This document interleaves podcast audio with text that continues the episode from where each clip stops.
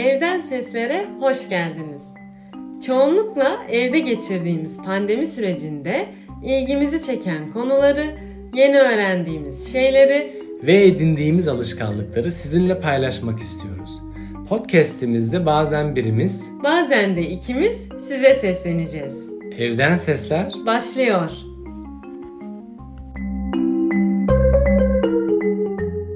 Evden Sesler'in yeni bölümüne hoş geldiniz. Bu bölümde tamamlanmayan işlerin, filmlerdeki reklam aralarının, motivasyon ve konsantrasyonun yanı sıra stres ve hafızanın birbirleriyle alakasından bahsetmeden önce gününüz nasıl başladı diye sormak istiyoruz.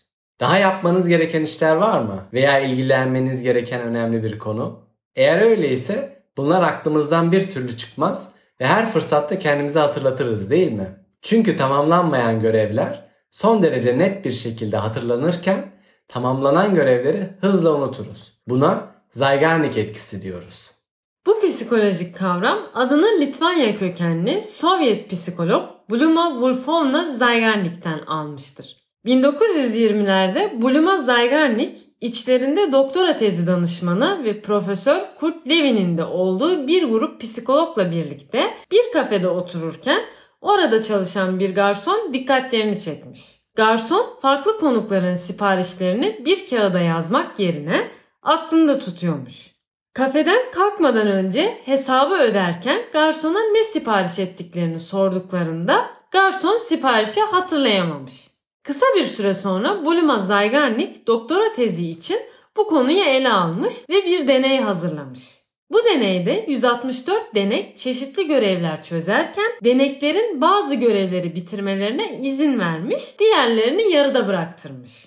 Zygarnik daha sonra katılımcıların hala kaç tane görevi hatırlayabildiğini kontrol ettiğinde sonuç olarak katılımcıların tamamlanmamış görevleri tamamlanmış görevlere oranla %90'a kadar daha iyi hatırladıklarını fark etmiş. Bu deneyin sonuçları o zamandan beri Zygarnik etkisi olarak biliniyor. Zygarnik etkisi bitmemiş ve kesintiye uğramış işleri tamamlanmış ve bitmiş projelerden çok daha iyi ve daha doğru hatırladığımızı açıklar. Başladığınız ama henüz bitirmediğiniz görevler hafızanızda daha çok yer alır. Siz onları tamamladıkça bu hızla azalır. Nedeni bitmemiş olana daha fazla konsantre olmamız. Burada belirleyici olan görevin kesintiye uğraması veya gecikmesi değil, tamamlandı veya tamamlanmadı durumudur. Zygarnik etkisini bilimsel olarak Kurt Levin'in alan teorisiyle açıklayabiliriz. Ama bu podcast'te daha da derinlere girmeden kısaca şöyle açıklayalım.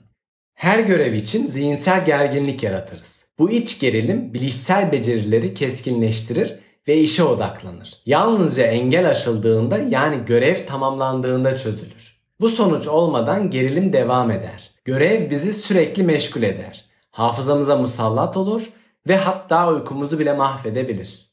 Zygarnik etkisinin avantaj ve dezavantajlarına göz atmadan önce günlük hayatta karşımıza çıkan pratik örneklerine değinelim. Hepimizin bildiği bir örnek filmlerdeki veya dizilerdeki cliffhanger denilen aralardır. Reklamlar her zaman en heyecanlı anda araya girer ve dizilerin bölümleri genelde açık bir soru veya o an çözülemeyen bir sahneyle biter. Bu etki Hollywood'da bilinçli bir şekilde kullanılır. Bizi izlemeye devam edin veya bir sonraki bölümü izleyin çünkü sırada ne olduğunu bilmek istiyorsunuz gibi. Daha da basit bir örnek vermek gerekirse bilgisayarlarınızdaki ilerleme veya yükleme çubuğunu hatırlayın.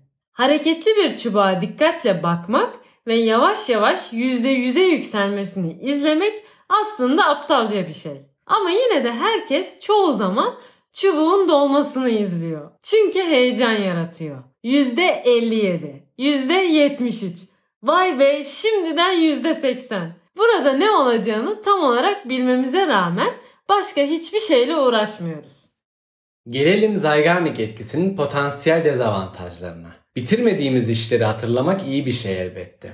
Ama iş çıkışı evde ailenizle zaman geçirirken hala beyninizi oyalamaları veya bir türlü aklınızdan çıkarmadığınız konuların uykuya dalmanızı engellemeleri elbette öncelikle can sıkıcı ve uzun vadede sağlıksız olabilir.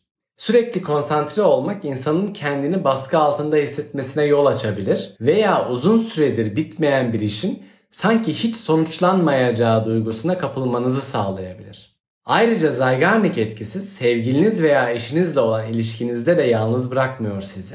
Örneğin aranızda yaşadığınız bir tartışmayı sonuçlandırmadıysanız ve iki tarafın da kabul edebileceği bir şekilde tamamlanmadıysa bu ayrılığa kadar götürebilir. Sebebi ise henüz sonuçlanmayan anlaşmazlıkların akılda çok daha uzun kalması. İnsanlar yaşanan olayı kafalarında bitirmezler. Uzun süre yaşanılan olumsuzluklara odaklı yaşarlar ve ilişkilerinde gün geçtikçe mutsuzlaşırlar. Ta ki aralarındaki aşk bitene kadar. Aslında hepimiz Zygarnik etkisinin avantajlarını kullanabilir ve dezavantajlarına karşı tedbirler alabiliriz. Örneğin iyi organize edilmiş bir yapılacaklar listesi yardımcı olur. Bunun üzerine tamamlanmamış tüm görevleri yani tam olarak ne yapılması gerektiğini ve ne zaman yapacağınızı yazarsınız. Kağıt ve kalem veya herhangi bir uygulama kullanıyor olmanız fark etmez. Beynin bitmemiş görevlerini o anlık park edebilir ve yapılacakları düşünmeden boş zamanınızın tadını çıkarabilirsiniz. Zygarnik etkisi yazar Hemingway'in yaptığı gibi tersine de kullanılabilir. Onun taktiği ertesi gün mümkün olduğunca çabuk işine odaklanmak için devam edebileceği bir noktada çalışmalarını her zaman kasıtlı olarak kesmekti. Hemingway'in Zygarnik etkisinin farkında olup olmadığı bilinmese de bundan faydalandığı biliniyor. Ara verilen görevler hafızada daha iyi kaldıklarından hem çalışmaya devam ettiğinizde nerede kaldığınızı ve ne yapılması gerektiğini hemen hatırlarsınız. Hem de işinize daha fazla motive olursunuz. Biraz da kendi tecrübelerimizden bahsedelim size. En basit örneği iş hayatında tatile çıkmadan önceki prosedürüm. Normalde benim yokluğumda yerime bakacak olan arkadaşımla ben ayrılmadan birkaç gün önce bir toplantı ayarlarız. Hem ona en son hangi konu ve görevlerle ilgilendiğimi anlatırım hem de yapılması gereken diğer işleri konuşuruz. Genelde yerime bakacak olan arkadaş notlar alsa da ki bu işimizin veya projenin devam etmesi için yeterli olur. Ben de tatile çıkmadan konuştuklarımızı tekrar bir liste olarak yazarım. Bu hem arkadaşımın içine yarar hem de benim tatile ayrılırken aklıma hiçbir şeyin takılmamasını sağlar. Özel hayatımdan da bir örnek vereyim. İş hayatında verimliliğe gösterdiğim özeni özel hayatımda aynı derecede göstermiyorum. Eğer beni uzun vadede etkileyecek bir karar vermem gerekiyorsa bunu o an vermek yerine yumurta götün ağzına gelene kadar bekliyor ve bunu son ana kadar herhangi bir etken değişebilir. Ben de ona göre daha doğru karar veririm diye pazarlamaya çalışıyorum. Ara sıra bu uydurmasyonum tutsa da genelde karar verene kadar süren sürecin daha stresli geçmesini sağlıyor. Dolayısıyla insan hayatında buna benzer küçük optimizasyonlarla yaşam kalitesini artırabilir. Ben de bu anlattığım örneği ciddi anlamda değiştirmeye karar verdim. Senin paylaşmak istediğin örneklerin var mı İremcim? Seni dinlerken her yaz küçüklüğümden beri tatile gittiğimiz Erdek ve çay bahçelerindeki çalışanlar geldi gözümün önüne. O kalabalıkta ve uğultuda ne kadar çok insanın siparişini tek seferde alıp bir solukta çaycıya söylediklerine hep şaşırıyordum. Şimdi misal bizim masamızdan bir koruk suyu, bir ıhlamur, iki çay ama biri açık biri demli ve bir sade Türk kahvesi sipariş veriliyorsa ki bunlar kendi içinde bile alt kategoriye ayrılan öğeler içeriyor. Gidip hemen Mahmut abi çek oradan bir koruk bir ıhlamur iki çay biri demli biri açık bir de sade Türk kahvesi denmiyor. Bunun gibi diğer masalardan da türlü türlü detaylara maruz kalıyor adamcağız. Ama bakmayın adamcağız dediğime. Performansına ve hafızasına gerçekten hayran kalıyordum. Tabi muhakkak o siparişleri teslim ettikten sonra bütün bu bilgiler depolanmıyordur. Aynı senin anlattığın örnekte olduğu gibi. Ama bu durum bile takdire şayan. Bana gelirsek liste yapma ve not alma alışkanlığımı annemle babamdan almışım. Hele ki işin uzmanı bu alanda master degree yapan annem. Ben teknolojinin veli nimetlerinden yararlanarak telefonumun hatırlatmasını ve liste uygulamalarını kullansam da onlar inci gibi özenli el yazılarıyla kağıda not alıyorlar. Yapılan işlerin yanına tik atmak ya da üstüne çizmek içime su serpse de tez canlılığımdan dolayı daha listeye yazmamla o işin yapılmasını istemem bir oluyor. Ve o andan itibaren listenin içeriğinin stresini yaşıyorum. Listenin içeriğinin stresini yaşıyor ve yaşatıyorum dersen daha doğru olur. Bu duruma birebir maruz kaldığımda İrem Zeigarnik etkisini alt ediyor ama kendi tez canlılığına yenik düşüyor diyebilirim. Genel anlamda Zeigarnik etkisini kendi lehimize kullanmak ve olumsuz etkilerini önlemek amaçlı 3 tavsiyemiz var size. Birincisi kararlarınızı hemen verin. Hepimizin hayatında birkaç seçenek arasında kalıp zor bir karar verme deneyimimiz olmuştur mutlaka. O anı bir hatırlayın.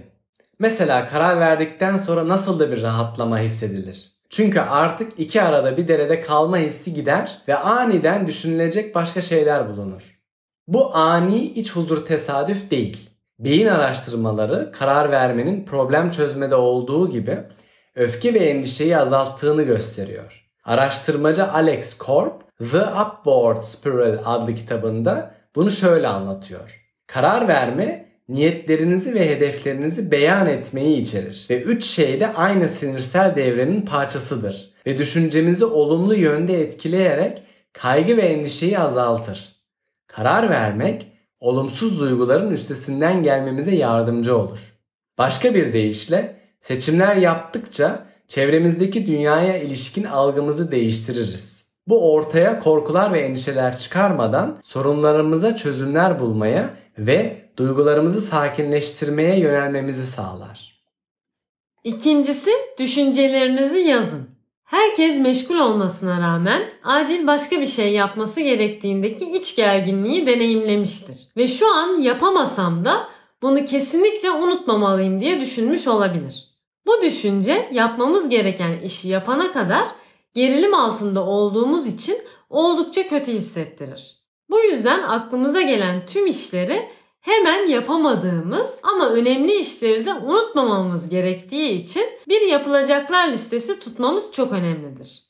Düşüncelerinizi yazmanın muhtemelen sadece daha rahat olmanızı değil, aynı zamanda aniden daha yaratıcı olmanızı sağladığını da göreceksiniz. Unutmayın, aklınızda kalan veya kalması gereken her şey gerilim yaratır. Aklınızdan çıkarabileceğiniz her şey ise sizi rahatlatır. Bu sadece görevler için değil, aynı zamanda korku ve endişeler için de geçerlidir. Biriyle endişeleriniz hakkında konuşmak özgürleştirici olduğu gibi bu düşünceleri kağıda dökmek de özgürleştiricidir. Burada da Zeigarnik etkisi göze çarpıyor ve bunun aniden ortaya çıkan olumsuz düşünceleri de azalttığını göreceksiniz. Üçüncü ve son tavsiyemiz aktif olarak yapmaya karar verdiğiniz şeyleri yapın. Bir şeyi yapmaya aktif olarak karar vermek motivasyon sağlarken verilen bir görevi üstlenmek motivasyonu düşürebilir. İçinizde meslek olarak yönetici olanlar için ilginç bir örnek verelim.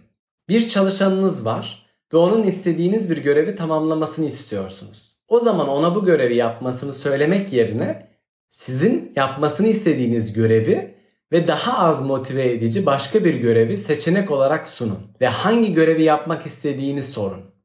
Az önce anlattığımız gibi genel olarak kararlar korkuları ve endişeleri azaltır. Aynı zamanda kendimiz aktif olarak bir karar verirsek bu bizi motive eder.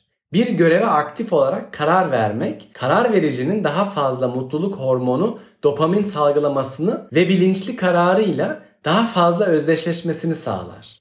Başka bir deyişle sevdiğimiz şeyleri seçmiyoruz. Seçtiğimiz şeyleri seviyoruz. Farelerle yapılan bir deneyde bile araştırmacılar bu sonuca varmışlar. Araştırmacılar iki fareye birer enjeksiyon kokain vermeden önce birinci farenin bunun için önce bir kolu çekmesini sağlarken ikinci fareye hiçbir şey yaptırmadan vermişler. Sonuç olarak birinci farenin ikinci fareye göre çok daha fazla dopamin salgıladığını kanıtlamışlar. İnsanlara geri dönersek spor salonunu sevmediğiniz halde sadece arkadaşlarınız da gittiği için gidiyorsanız yakın zamanda bu kararınızdan dolayı memnuniyetsiz olursunuz. Spor salonunda egzersiz yapmak sizin için sadece bir stres faktörü olacaktır.